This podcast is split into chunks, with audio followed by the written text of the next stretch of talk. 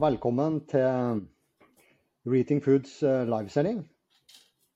Til dere som ikke har sett meg på skjermen før, er navnet mitt Åge Klepp. Jeg har nå vært i Reating Food i et halvt år. Som vanlig skal vi prate om bærekraft og mat.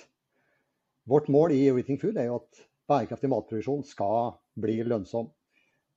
Jeg har på følelsen av dagens gjest han ønsker òg det samme som oss. Eh, for I dag har vi med oss eh, Bob van Ort, forsker ved Cicero. Velkommen. og Vi setter pris på at du tar deg tid til å være her sammen med oss i dag. Så Bob, eh, først litt om deg sjøl. Hvem er du? Ja, bra. Takk. Takk for invitasjonen først. Det er jo kjempehyggelig å ja. prate litt med deg. og Eh, hvem er jeg, da? Jeg er nederlender, som de fleste hører på mitt sang. Jeg kom til eh, Norge i 1997 eh, som doktorgradsstudent til Universitetet i Tromsø. Biolog. Jeg forska på reinsdyr eh, i Tromsø. Og så etter hvert ti år i Tromsø så tok jeg turen ned til Oslo, bosatt meg her. Og fant jobb på Cicero, Senter for klimaforskning. Og her har jeg jobba på veldig mange ulike ting egentlig over tid, fra 2008 eh, fremover. Og i økende grad har jeg hatt fokus på matsystemet. Først gjennom eh, klimascenarioer, samfunnsscenarioer. Hvordan tilpasser, tilpasser, man seg i fremtida til eh, det som ligger i eh, i fremtida, da, med ja, klima- og, og, samfunnsendringer. Og så mer og mer egentlig mot matproduksjon, matforbruk, politikk, eh, interaksjoner mellom aktører, og særlig nå med en norsk og nordisk eh, fokus i det siste. Du jobber jo i Cicero. Eh, det er kanskje ikke alle av våre seere som kjenner dere like godt. Kan du ikke si litt om hvor mange dere er der, og ikke minst hva er det dere jobber med i Cicero? Ja, Cicero er et eh, klimaforskningsinstitutt som ble etablert i 1990 av regjeringen, eh, egentlig som resultat av Brundtlandskommisjonen eh, om bærekraft i sin tid. da. Og nå er vi da med rundt 100 ansatte på Cicero, og vi forsker på alt som har med klima å gjøre. Så vi ser på klimapolitikk, avtaler, forhold mellom ulike land. Vi ser på eh, atmosfærekjemi. Eh, vi ser på eh, ulike klimascenarioer. På energispørsmål, transportspørsmål, matspørsmål. Lokale, globale, nasjonale eh, elementer.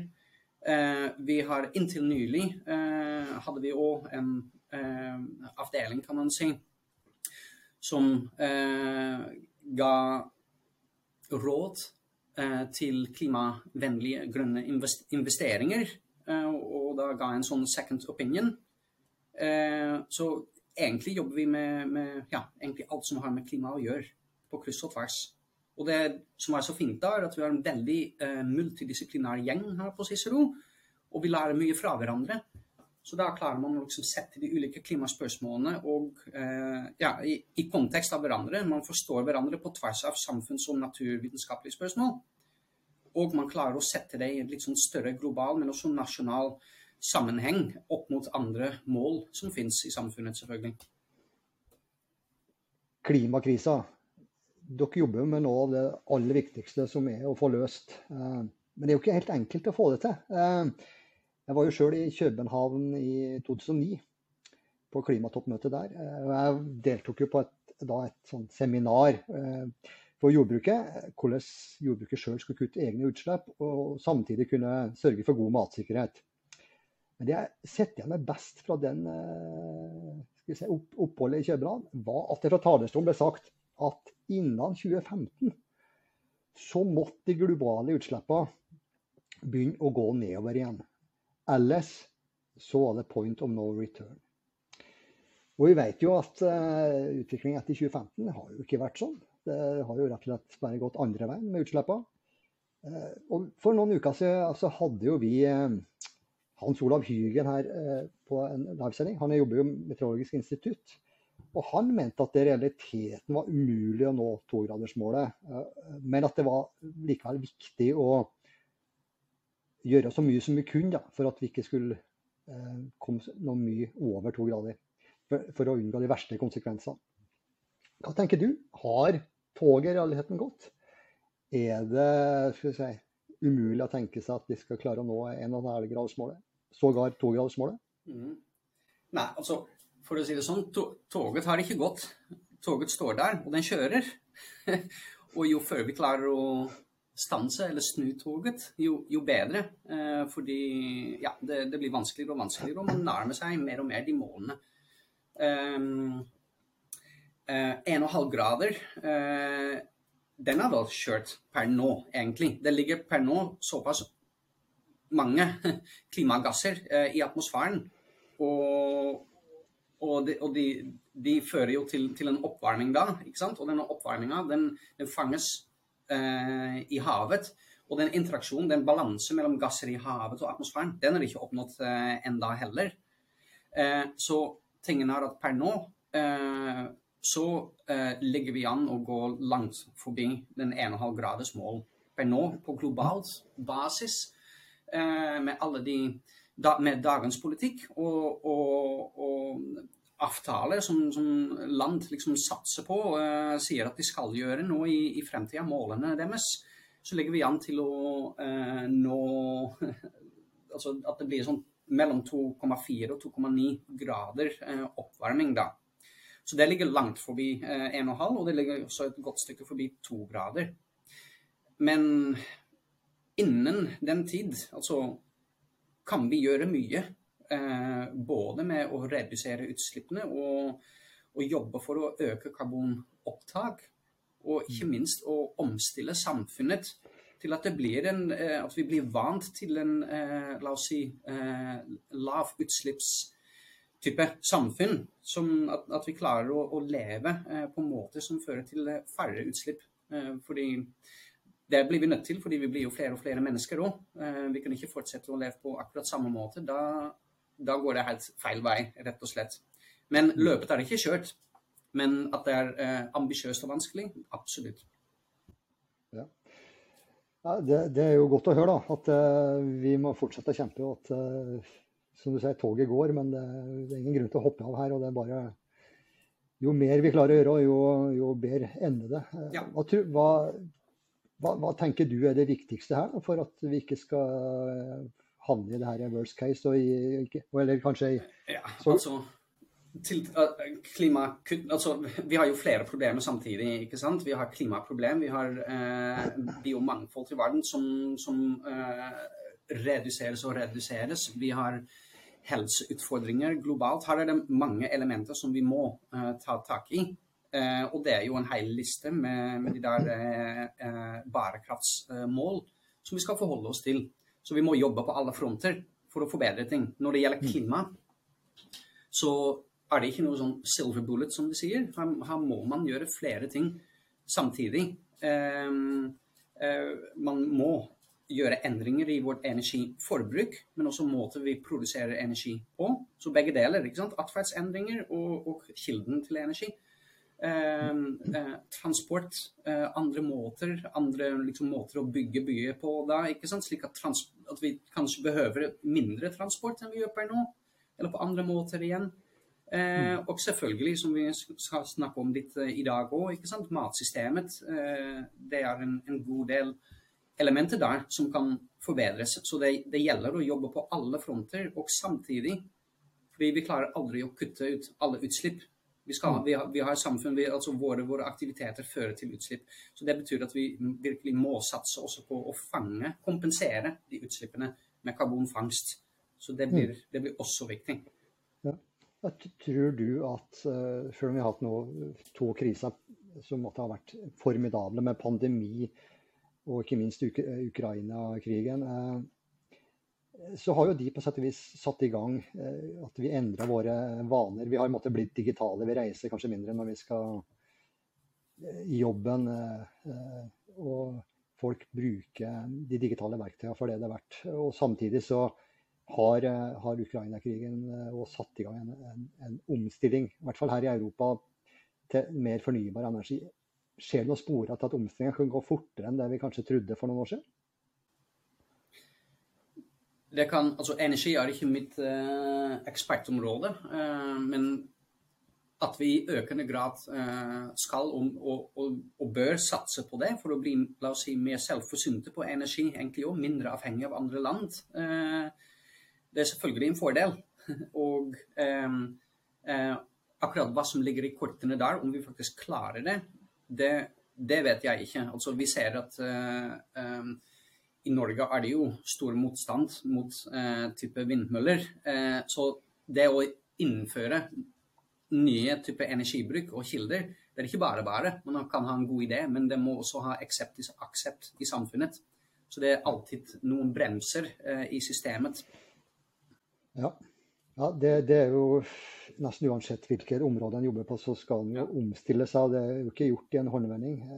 Da tenker jeg vi beveger oss mer over i ditt, uh, ditt fagfelt. og Det er jo, som du sa, klima, bærekraft og mat. Vi jeg vil gjerne høre litt om, uh, om forskningsprosjekter du jobber med. du har jo vært Du sendte jo med en liste til meg og har jo sett på hva du jobber med. og Det er jo en imponerende stykke arbeid du har vært med på. Og vi rekker ikke gå gjennom alt her. Eh, det må vi bare, så ærlig må vi bare være. Eh, for det hadde blitt en veldig veldig lang sending. Eh, så spørs hvor mange som hadde vært med oss det bitter enn da. Men vi skal nå ta og få en lite utsnitt av det du har jobba med. Blant annet så tenkte jeg vi skulle høre litt om et, et prosjekt som heter Platon. Hvis jeg ikke tar helt feil, så er det det største prosjektet vi har hatt i Norge på klimafeltet. Så hvis du kan si litt om hva prosjektet er for noe, og ikke minst eh, hva, hva er det dere har gjort på matområdet her? Ja, eh, Platen er det største samfunnsfaglige prosjektet som har blitt eh, finansiert i, eh, i Norge. Eh, den ledes av eh, Taran Fan fra SSB, delstilling på Cicero. Og det prosjektet ser på eh, mulighetene innenfor det ikke-kvotepliktige eh, sektor i Norge. På transport, på eh, landbruk, jordbruk. Eh, på ja, bygg og avfall. Det er litt mindre eh, forskning på akkurat de elementene der. da. Eh, og mye på politikk Norge opp mot EU. For å forstå hva som er mulighetene, scenarioene, tiltakene bremser i systemet da, eh, i Norge for å kunne oppnå de norske klimamålene. Og akkurat for ikke-kvotepliktig eh, er det jo i utgangspunkt et mål å kutte utslippene med 45% ved 2030, og så målt opp mot 2005. da. Og det er et ambisiøst og stort kutt, kan man si. Og så må man huske også at det er 2030-mål. I 2050 eh, så skal vi jo eh, kutte utslippene altså Det er hele, ikke bare ikke-kvotepliktig, men da, da, skal vi kutte utslippene opp mot 90-95 eh, eh, Så vi må tenke at når vi, når vi kommer eh, i mål med våre 2030-klimakuttmålene, så er vi egentlig bare halvveis. Så Platon ser da på hva som er mulig innenfor de ikke-kvotepliktige sektorer. Eh, på jordbruk hatt, eh, og landbruk har vi ulik forskning. Noen som ser på rollen til eh, skog. Andre ser på rollen til jordbruk, matproduksjon, matforbruk, holdninger til forbrukere. Og jeg sjøl har da jobbet på en task, kan man si da, som handler om rollen av offentlig innkjøp av mat og drikke. Eh, hvordan den kan eh, bidra til å redusere utslippene eh, i det norske samfunnet da. Mm. På hvilken måte kan du si noe om hvordan du, eller hvordan har dere tenkt når du skal bruke offentlig innkjøp? Hva, det, hva, hva kan det trigge av endring? Ja, det er altså offentlig innkjøp. Det er jo alle de ulike statlige instanser. Det er skoler, barnehager. det er de ulike avdelinger i uh, kommuner, um, uh, bydeler, um, sykehjem, eldrehjem, sykehus òg. Så det er mange ulike steder hvor folk spiser enten sin lunsj Eh, noen ganger blir det heldagsforplening. Så det er mange måltider som, som brukes der, og hvor man ved å eh, ved å endre, ofte ved å snu dem mer mot kostrådene, bare det kan allerede hjelpe eh, ved å redusere eh, eh utslippene. Redusert matsvinn eh, selvfølgelig òg. og det er ulike tiltak hvor man kan eh, redusere inntaket av høyutslippsmat, type drøvtyggekjøtt. Det er jo eh, eh the cow in the room eh, ofte. ofte ikke sant? Men eh, å, å, legge om kostholdet litt til eh, lavere utslipp, rett og slett. Og det kan bidra til ganske store utslippskutt innenfor offentlige måltider. Da. Ja. Du, du, har jo, du, har jo, vært involvert i et annet prosjekt som heter, med det fengende navnet, eller forkortninga VOM. Virkemidler for omstilling av matsystemet. Har dere sett på noe av det samme her, eller er det andre ting dere har uh, forska på? Eh, ja, den, der har jeg sett på litt av det samme. Men VOM, eh, virkemidler for omstilling av matsystemet, den ser jo på omstilling av matsystem med utgangspunkt egentlig i klimaspørsmålet. Vi, altså, vi har jo hoppet litt forbi det, men, men matsystemet bidrar jo med eh, rundt en tredjedel av alle globale utslippene. Uh, og derfor er det et stort potensial for å eh, redusere de globale utslippene ved å se på matsystemet. Selvfølgelig er det eh, nasjonale, lokale forskjeller i hva man klarer å få til osv. Og VOM ser jo på det norske matsystem, det vi produserer og forbruker her i Norge, som både er norskprodusert, men også importmat. Eh. Og hvilke muligheter vi da har eh, for å spise litt mindre og produsere litt mindre høyutslippstype eh, mat. Snu både produksjon og forbruk mot mer grønnsaker, lavere utslipp. Og ikke begrense eh, forskninga da mot klima, men, men, også se på hva effekten av en slik omstilling er da for biomangfold, for eh, økonomi på litt ulike nivåer, eh, og indirekte også litt eh, eh, helseeffekter. altså vom og flere av mine matprosjekter de, de, henger jo litt sammen. ikke sant? Noen prosjekter ser mer på helse, andre ser mer på Eh, klima eller andre typer bærekraft osv. Så, videre. så det, man kobler disse tingene sammen.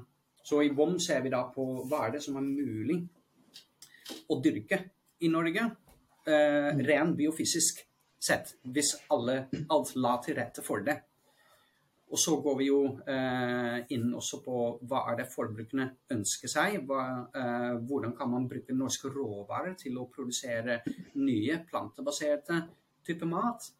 Eh, og vi ser på hvordan er samarbeidet mellom ulike aktører, salgsledet, innkjøpsledet da, eh, og produksjonsledet og alt imellom.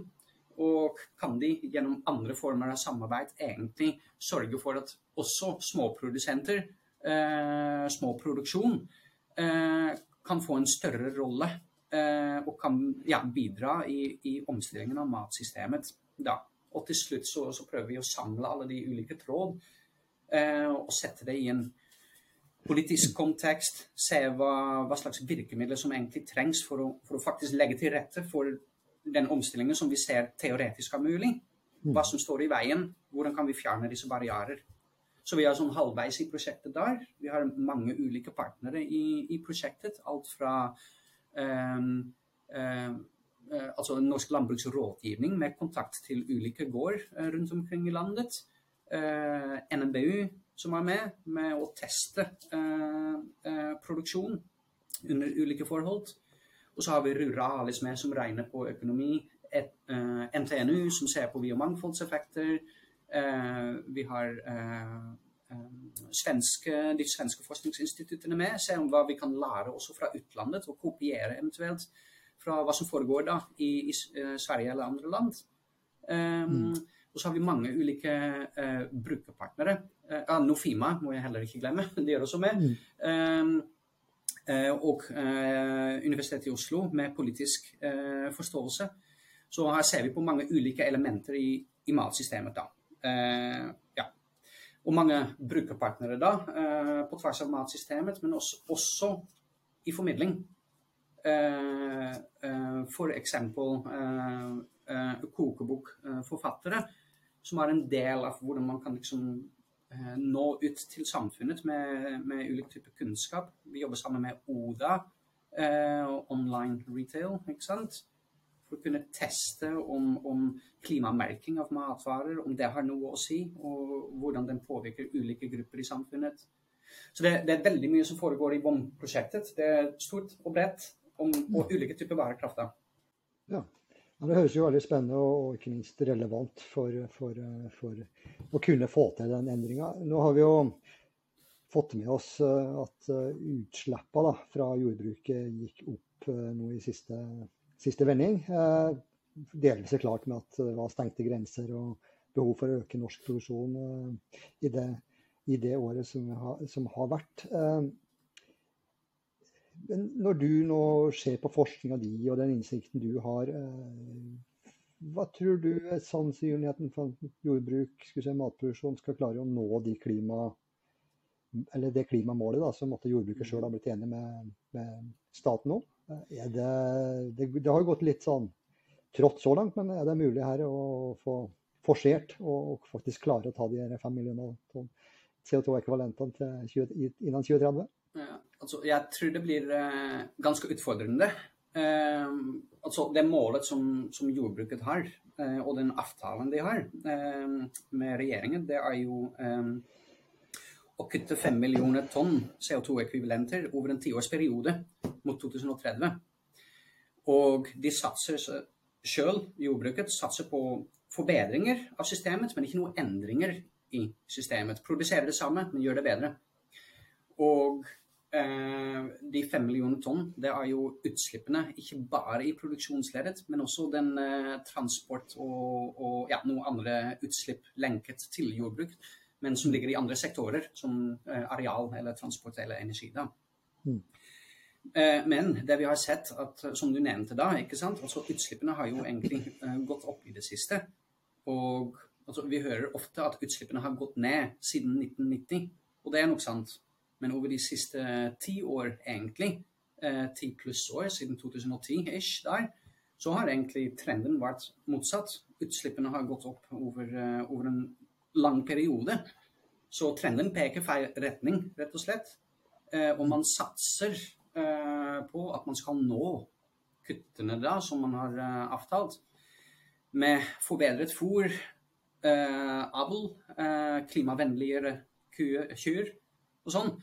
Eh, disse tingene er ikke på plass. Vi, vi, vet ikke hvor bra de fungerer. så det er Man tar en sjanse ikke sant? For med å mm. satse på at dette kommer i mål. Hva hvis det ikke kommer i mål? Da, ja, da når man ikke den avtalen, selvfølgelig. Og det er jo ja, sunt for avtalen, kan man si. Men ja. det, det, setter jo kravene opp da for andre ikke-kvotepliktige sektorer. Eh, eller mm. ja, som transport, bygg og avfall. fordi samlet må man jo nå de målene. Mm. Og vi vet at disse målene, de politiske målene, eh, egentlig ikke holder til å begrense klimaendring nok. Vi vet at målene er, er eh, Ja, altså, det holder ikke. Så det mm. Man leker litt med ild, eh, må jeg si. Eh, mm. Det er ganske usikkert. Og satser mye på usikre tiltak, egentlig. Ja, og det, det, det haster iallfall å få satt de, si, de kjente tiltakene ut i livet. Og et av problemene er jo at det ikke er lønnsomhet nok til å ta i bruk ny teknologi, endre si, driftsapparat eh, fort nok. Eh, og det, det er i hvert fall noe politikere må ta med seg at skal du få til et skifte her i, i det norske matsystemet, så, så, krever det omstillingsmidler eh, og hjelp. Til, for næringsaktørene klarer ikke det her sjøl. Det, det, er ikke sjans i havet. Det, det, er ikke, det er ikke penger til. Nei, det er jo penger, men det er også uh, risikoen som ligger i omstilling. Uh, skal den mm. enkelte bære den risikoen? ikke sant? Altså, vi, jeg tror vi må tenke en del annerledes rundt det her. fordi som flere sier, mat må vi ha. mm. uh, og vi har jo en økt fokus på selvforsyningsgrad, som vi også ønsker å jekke opp. Vi ønsker å, å øke grønnsaksproduksjon mye i Norge òg. Så det, det, mangler ikke på mål. Men for å få disse målene i havn, da må man satse på det. Så må man støtte det på ulike måter. Både med å legge til rette for regelverk, eh, tiltak, subsidier som dytter i riktig vei, egentlig òg. Ja. Hvis vi, hvis vi, beveger oss litt ut av Norge, også inn mot EU. Jeg ser jo du har vært knytta opp en del forskningsprosjekter i EU. Og de har jo satt seg tøffe mål for å omstille seg til et lavutslippssamfunn gjennom da Green Deal og Farm to Fork med mer. Hva er ditt inntrykk?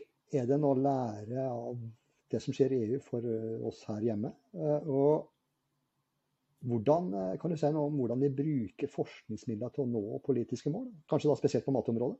Ja, jeg har nettopp levert en, sammen med en kollega av meg her på Cicero en rapport til Miljødirektoratet på akkurat det.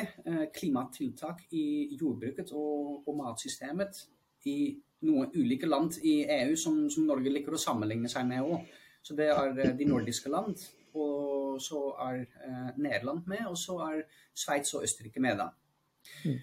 Og tingen der er at eh, egentlig på tvers av disse land så har eh, eh, utslippene over det hele, altså de totale nasjonale utslippene av disse ulike land, de har jo stort sett gått ned. Eh, og det har de egentlig i mye mindre grad i Norge eh, gjort da. Men i alle land blir jordbruket er ofte skånet på, på, noen måter. Altså, det har ikke gått like raskt ned i, i, jordbruket som i andre sektorer. Det varierer litt. Noen land gjør litt mer enn andre, men, men ja.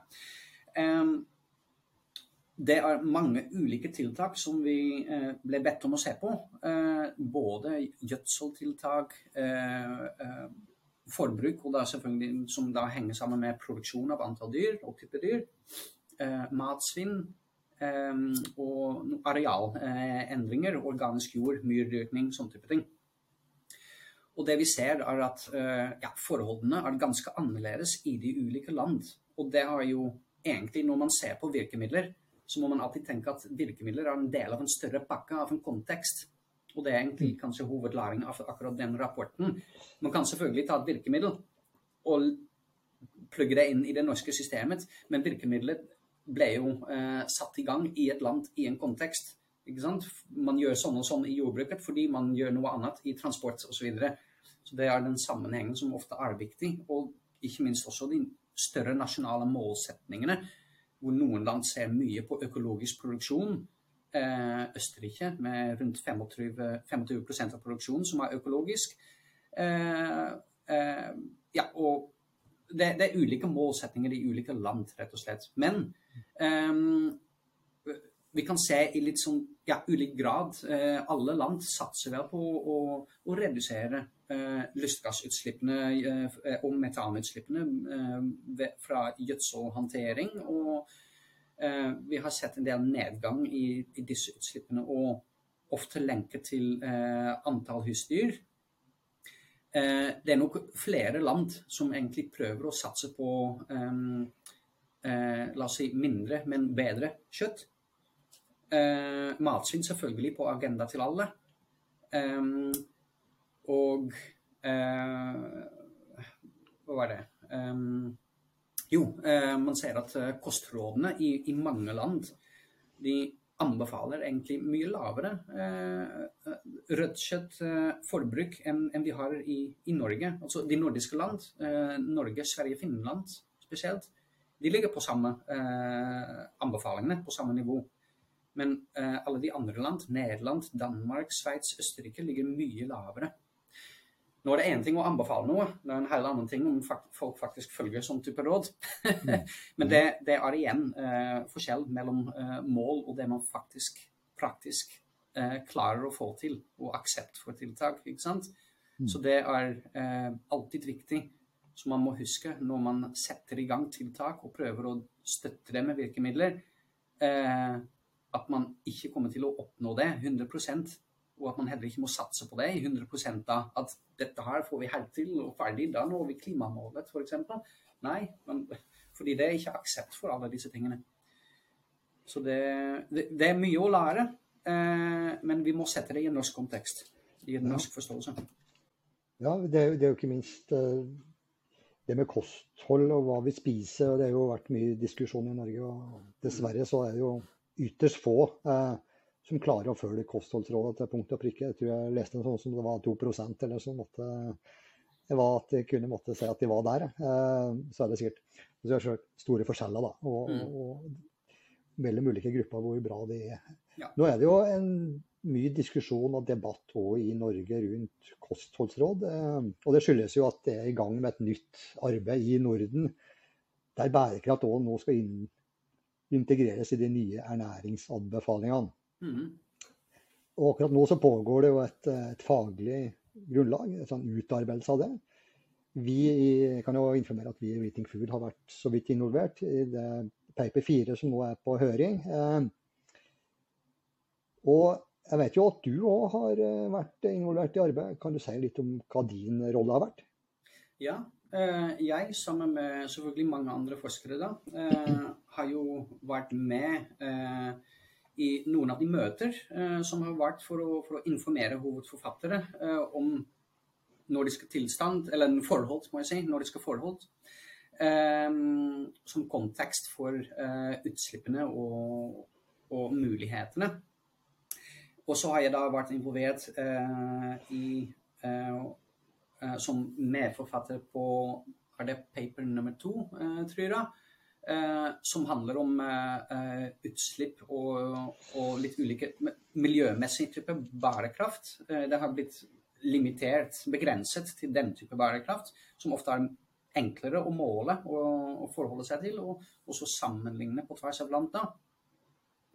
Eh, og ja, så jeg har bidratt til uh, det paperet uh, med input på, på norsk forståelse da, og norsk kontekst.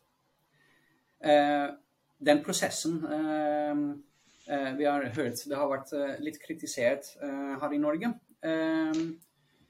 Og eh, den går vel litt ut på litt ulik forståelse av mandatet. Det er mange som hadde sett for, gjerne hadde sett for seg mye større bærekraftsvurderinger eh, enn en i hovedsak de miljømessige.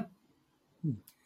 Eh, og det har jo vært en del kritikk på eh, selve prosessen. Eh, eh, hvor mye man egentlig får eh, Hvor mye kommentarene blir tatt med i det endelige dokumentet, kan man si. jeg tror at der er det rett og slett en balanse mellom hva tid og penger som hovedforfattere har fått, eh, eh, og prøve å samstille alt på en egentlig ganske eh, kort tid og begrensa ja, eh, eh, mengde med penger. Og jeg tror at de har gjort så bra jobb som de kunne. Kunne det ha vært mye bedre? Ja, absolutt kunne det vært mye bedre. Eh, og mer omfattende. Men da snakker man om et mye større arbeid som egentlig ikke var lagt til rette til. Mm. Det vi må huske òg, at dette her blir de nordiske eh, mm. anbefalingene, ikke de norske. Det blir en ny runde på, på, det. Hvor mye av dette her skal vi da ta med i, i spesifikt norsk kontekst? Og dette her er også bare en, en brikke i en større puslespill. Vi kan ta den rapporten, eller elementer av denne rapporten, og diskutere den da i kontekst av flere bærekraftsvurderinger som vi har i Norge da. Så dette her blir ikke liksom the final judgment-greie. Sånn blir det. Nei, dette her, man må se på det som en kunnskapsbit som da kan bidra til en videre norsk diskusjon, egentlig. Jeg tror jeg du har rett i. Og, og, hva det her eh, anbefalingene eh, faktisk nå viser seg å bli, det jo det vet jo ikke. Og nå sitter jo komiteen og tar imot høringsinnspill og skal gjøre ferdig det siste paperet akkurat nå i disse dager. Og de skal jo da komme med en oppsummering av, av sine anbefalinger. Eh, og der får vi nå se da, på hvilken måte bærekraft blir inkludert. Mm. Og ja, det blir jo spennende å se det si, endelige ja, dokumentet tror, til, til, sommeren. Ja, og jeg tror vi må, uansett hva dokumentet sier, vi, vi må jo vurdere de, alle de ulike bærekraftselementer uavhengig av kostrådene eller ikke. Altså det, ja vi kommer ikke unna det, egentlig. Vi har forpliktet oss til det gjennom uh, de, de, internasjonale eh, bærekraftsmål. Vi må se på alt. Uansett hva kostrådene nå sier, da.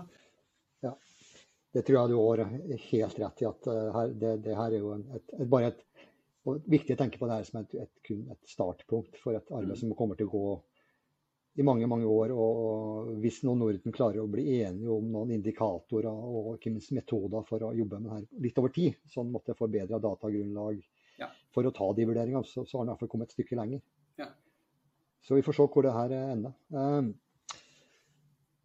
da tenker jeg det er på tide å sette strek. Det har vært eh, veldig hyggelig å ha deg med, Bob. Tusen takk for at du tok deg tid. og Det var virkelig interessant å lære mer om det du driver på med i CISOR og til daglig på forskninga di. Og ikke minst er det her et veldig viktig stykke arbeid som gjøres. Takk til dere som har fulgt sendinga. Eh, anbefal gjerne denne livesendinga og podkasten vår til andre som dere tror har interesse til å følge med. Eh, og da gjenstår det bare å ønske dere alle sammen god helg og på gjensyn neste fredag. Ha det godt. Takk. Ha det fint.